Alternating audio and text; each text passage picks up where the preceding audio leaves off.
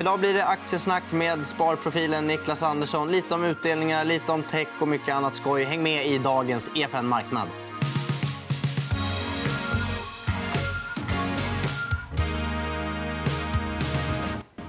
Niklas, välkommen till studion. Tack. Jag gillar att det är en tjur och en björn i introt. Ja, och nu har ju tjuren ett rejält grepp om björnen.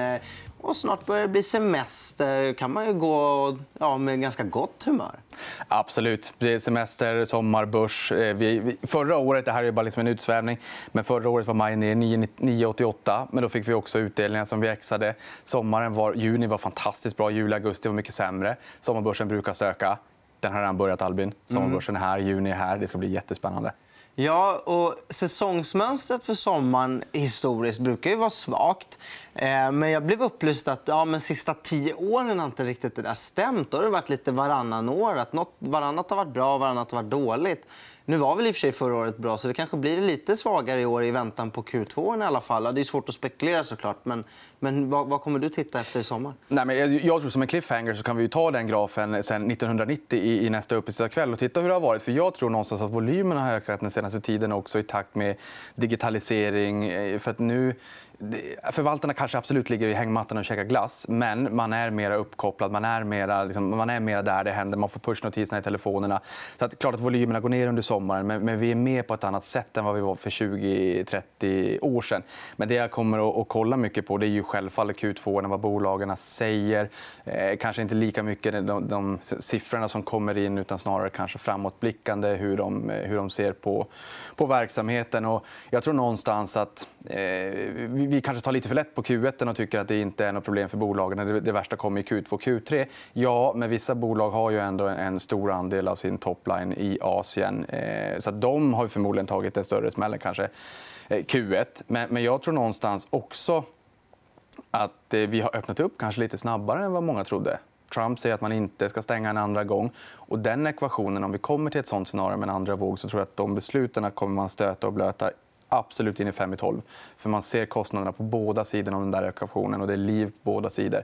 Så att, så att just vad bolagen säger framåt och jag tror kanske att vi öppnar upp lite snabbare än vad vi trodde.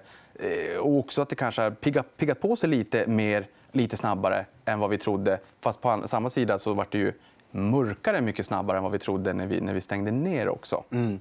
Så det, det, kommer jag kika på, vad bolagen säger framåt. Och det tror jag att de flesta kommer göra. Ja, jag tror många analytiker som sitter och behöver någonting att stoppa in i sina Excel-modeller. Vad, vad som helst. Liksom. Hur gjorde man det i mars och april? Mm, ja, åtminstone i mars innan man hade stängt första kvartalet. Ja. Det här är historiskt, Albin. Ja, det, ja, det är det verkligen. Ehm, jag tänkte vi ska titta på en bild över hur eh, Nasdaq har eh, rört sig mot S&P 500. Nu är Nasdaq den blir en större större del också av S&P 500. Men, men den här är intressant att titta på. för att Nasdaq är väldigt tech-tungt. Så det blir ett litet sätt att försöka ringa in hur tech går mot resten av, av amerikanska börsen.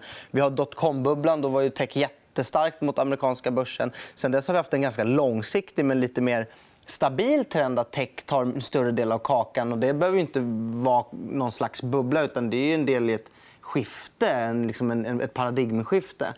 Men det har gått lite, hänt lite extra där på slutet. Det, ja, men det kommer väl av att det är de aktierna som har återhämtat sig bäst. Ja, men jag tycker att det är en fantastisk graf. Det här. Jag tycker också någonstans att det är jättebra att ni har fått med tiden innan eh, 2000. Eh, därför då såg man den paraboliska uppgången där. Och justerar man bort den paraboliska uppgången, euforin och också kraschen så är det ju en mycket tydligare trend man ser från låga nivåer upp till idag. Och teknologi har aldrig någonsin varit viktigare än vad den är idag, Albin.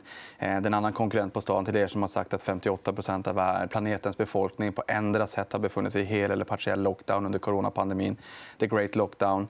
Eh, och teknik och teknikbolag har möjliggjort för hundratals miljoner människor att arbeta på ett sätt som man inte kunde, inte ens under finanskrisen. Mm. Jag vet att jag har sagt det här tidigare, men jag, repetition är ju kunskapens mode. Så jag unnar mig att säga det igen. iPhone firade alltså två veckor när finanskrisen inleddes. Vi hade Dropbox, Tinder, eh, Google Meets, Google ja, Hangouts, Google Meets, eller Zoom, eller eh, Microsoft Teams, eller Amazon Web Services eller iPad för den delen. Eller, eller vad det än är. Liksom dina bildlagringstjänster, dina Netflix började dra 2012.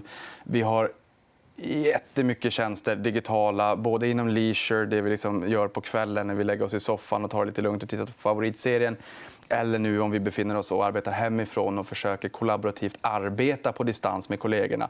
Varken eller för business or pleasure. De möjligheterna fanns inte ens riktigt på samma sätt under finanskrisen. Så teknologi har aldrig någonsin varit viktigare än varje dag. Och på den där grafen som vi såg tidigare så är det intressant också att Eh, techbolagen utgjorde ungefär 25% av S&P 500 under techfrossen 2018. Idag är det nästan 26 eh, och det intressanta är väl att techbolagen upplever någon form av julafton. pratar man om nu. Alltså det här digitala språnget som man förväntar sig de kommande åren har ju gått blixtsnabbt nu. Eh, så för, ja, det är en kris för, för mänskligheten. Det är en kris för, för, för i princip alla. Liksom coronaviruset Eh, pandemin, covid-19-sjukdomen. Men för techbolagen så, eh, liksom, de, de lever i de bästa av världar nu. för Det är oerhört många som efterfrågar deras tjänster. Ja. Tittar vi på Nasdaq, som är en börs, S&P 500 är ett index. Är också Investor som näst största ägare. brukar jag säga. Eh, runt 3 300 bolag, men de fem största bolagen utgör 39% av indexet och är tech. Mm. Eh, jag skulle säga att Nasdaq 100, som är de 100 största börsbolagen på Nasdaq X Finans, eh, där har vi 60 tech. Så det är en enorm koncentration mot tech. Man kan tycka att det är en implicit risk. Men i det här fallet så är det det som har hållit marknaden eh, ovanför vattenytan. Vi har Både Nasdaq och Nasdaq 100 ligger på, på, på plus för i år. Eh, Nasdaq 100 1,5% Nasdaq 2,7% från all time high per stängningen igår. Eh, vi behöver de tjänsterna nu mer, mer än någonsin. och Det blir väldigt tydligt. Sen kan man alltid fundera kring värdering. Mm. Eh, men det växer strukturellt. Ja, och genomsnittsamerikanen har fått sin största ökning av inkomst sen 80-talet tack vare då, eh, de här bidragen som har kommit. Men det innebär ju att konsumenten sitter med pengar att spendera. Och då blir man ju lite... Folk vill ju spendera sina pengar på saker som gör att man har kul eller mår bra kan man inte gå ut och spendera det på något fysiskt, gå till ett nöjescenter, gå på fotbollsmatchen, då blir ju det digitala kvar och samtidigt sitter folk med en stor plånbok och, och, bara skifflar in. Så det är klart, de borde ju bli vinnare. Ja, och sen tycker jag också liksom att större delen av min tid och större delen av min plånbok och större delen av min frustration när saker och ting inte funkar, eh, det, det tillägnas techbolag. Ja. Det var något, eh, för en vecka sen skulle jag redigera en podd. Jag använde Adobes programvara. Det gör de flesta. Det gör vi förmodligen i här för videoproduktionen också. Eh, skillnaden att jag är lekman. Men det gick inte att logga in och jag blev, eh, jag blev frustrerad. För, för att liksom lägga det enkelt. Det spelar ingen roll om det är Netflix som, som, som buggar. Det gör gör det ju sällan. Eller om det är mitt internet som ligger nere. Man blir frustrerad. Så att både liksom stor del av plånboken och tiden går till techbolagen. Sen säger inte jag att det är Guds gåva till mänskligheten. Det finns många andra bolag också. Men vårt kollektiva beroende av techbolagen ser helt annorlunda ut idag i jämförelse med år 2000 där man, där man handlade bolagen mycket på förhoppningar om framtiden. Mm. Men vi ska inte glömma bort att många av de idéerna som bubblade där det är de vi kapitaliserar på, de frukterna vi faktiskt skördar idag. Även om det är 20 år senare. Men eh, det, var en annan tid under 2000. Ja. Jag tänkte kasta om ordningen lite nu och ta fram dagens sista graf som visar restaurangbokningar i USA. Eh, som eh, har börjat återhämta sig lite grann. Rättare sagt inte bokningar, utan det är hur många som faktiskt äter på, på, på restaurang. Och min tanke, eller min fråga rättare sagt, är ju då, men om, om techbolagen redan har klarat sig väldigt bra, de flesta är på, nära på eller över all time high-nivåer. Eh, man pratar om en andra våg med smitta, men det borde också bli en andra våg på börsen när även det som folk har skytt, skytt lite nu ska upp. Restauranger, hotell, eh, cykliskt verkstad om man nu har stått ut, missat hela det här, den här återhämtningen, är det där man kanske då ska leta? För där är det ju fortfarande en bit kvar till, till all time high-nivåer. Det, det ligger mycket i det. Ja. Menar, I Sverige är det mycket bank och verkstad. Vi har Swedish Match, fint som snus. Det är de som, som driver börsen uppåt i Sverige. Sen har vi mycket Essity och SCA faktiskt, eh, som är vinnare här. I USA är det ju tech. Där kanske man då också kan kika lite bredare än tech. För tech är en hög koncentration av index. Tech har ju drivit index. Men, men, som du säger, det finns ju många andra bolag och sektorer som kanske har kommit lite grann i skymundan. Och, och det är rimligt att anta att vi kommer få någon form av eh, sektorrotation. Vi har fortfarande TINA, there is no alternative. Vi har fortfarande FOMO, fear of missing out. Det har man sett både i nedgången, alla skulle ut samtidigt, och uppgången, alla skulle in samtidigt. Nästan. Och vilket gör att här, rörelsen har blivit mycket, mycket snabbare Eh, än tidigare. Tina tycker inte jag är ett, ett skäl till att äga aktier långsiktigt. Man äger inte för Tina för att det inte finns några alternativ. Men tittar vi förra veckan i USA så såg vi att eh, bank och finansrelaterat steg 6,6% och techbolagen steg 0,4. Så redan där såg vi att den sektorn som har dragit mycket av året fick stå tillbaka lite grann för en annan sektor. Och banksektorn mår ju inte alls illa på samma sätt som under finanskrisen. utan Nu hjälper den oss snarare ut ur krisen och liksom kanaliserar ut pengarna i samhället som behövs för att hjälpa den enskilda individen att överbrygga den här perioden. Så jag tror att du är helt rätt på det, Albin. Att kika på de andra sektorerna som kanske hamnar lite i skymundan. Eh, och man är inte starkare än den svagaste länken. Börsen rör sig kollektivt framåt. Det finns alltid movers och laggers. Tech har varit movers. Titta gärna på laggers och, kanske också unna dig att titta på de bästa, best of breeds, de bästa bolagen eh, i, i den sektorn som kanske har hamnat lite i skymundan och plocka på det. Då. Mm. Eh, och vi kan ju i den här cocktailen också titta på hur många nyanmälda arbetslösa som vi har i USA som börjar eh, ljusna ganska rejält. Eller ja, alltså det är fortfarande många miljoner som, som nyanmäler sig men det blir ju vad ska man kalla det? Det blir, det blir färre och färre i alla fall. Eh, sjunkit från strax över 6 till strax under 3 miljoner som nyanmäler sig som arbetslösa. Eh, jag vet inte om det är ett skäl till att, till att säga att faran är över, och så, men det, det, det är mycket som ljusnar just nu. Ja, och det tycker jag också känns ganska logiskt. Jag menar, när man tittar på de där siffrorna... Vi har sett, en, vi, vi har sett amerikanernas sparkvot skena till astronomiska nivåer av aldrig tidigare skådat slag. Jänkarna sparar alltså 33% av sin disponibla inkomst. Det, det, vi, vi har lärt oss att jänkarna de använder kreditkort. Och sen har de skjutit ut den där trenden över världen. och Nu, nu handlar vi lite grann så här eh, i Sverige och Europa också. Men eh, det är väl klart att ser du en sån där astronomisk siffra som är rakt genom taket eh, då kan man också ana att eh, det kommer att falla tillbaka. Jag menar, USA har ju gjort någonting som man inte riktigt har gjort tidigare. Det här med furloughs, eller permitteringar när bolagen och de eh, anställda kan få stöd på ett annat sätt än tidigare. För här är en unik kris och då kräver unika åtgärder. Så det är klart att när du som bolag har noll visibilitet och tappar intäkter och inte vet vad, vad framtiden bär med sig eller om bolaget ens lever om en eller två månader. Har du möjlighet att permittera personal så gör du det.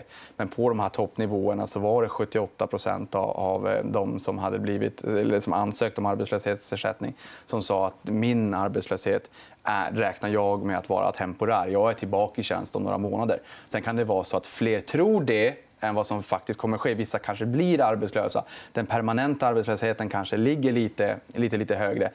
Men det är ganska självklart. Finns det en möjlighet att överbrygga en jobbig period, få bolaget att överleva, sen ta tillbaka personalen in i tjänst igen när saker och ting börjar lugna sig, då är det många som, som har tagit den möjligheten. Så att säga. Och det är det vi har sett nu.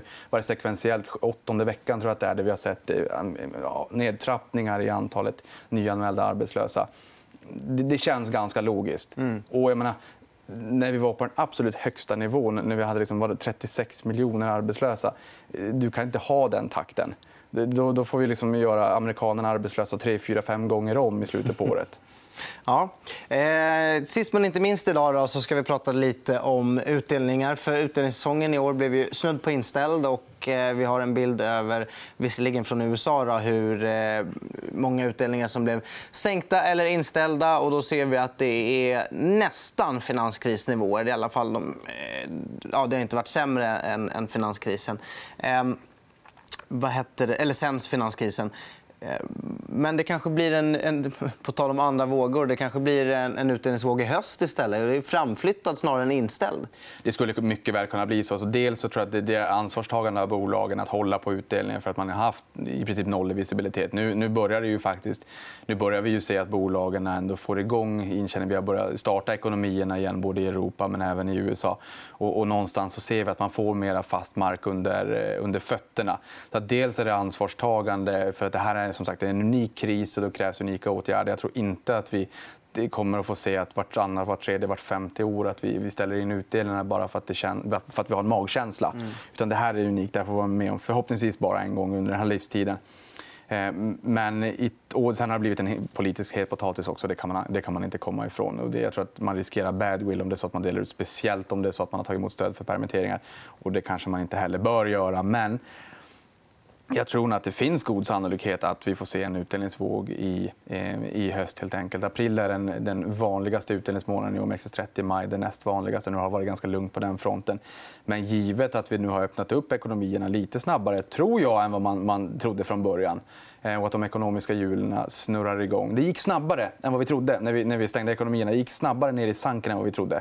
Så att givet nu att vi börjar öppna upp, peppar peppar, och inte får en andra våg, eh, en, en rejäl andra våg i alla fall, så, så finns det nog goda, goda möjligheter att vi får se en, en andra våg i höst. Även om det blir en, en, lägre utdelning än i fjol. Men bara signalvärdet kanske av att vi får en andra, en andra utdelningsvåg. Eh, jag tror på den fortfarande. Och kan vara nyttigt.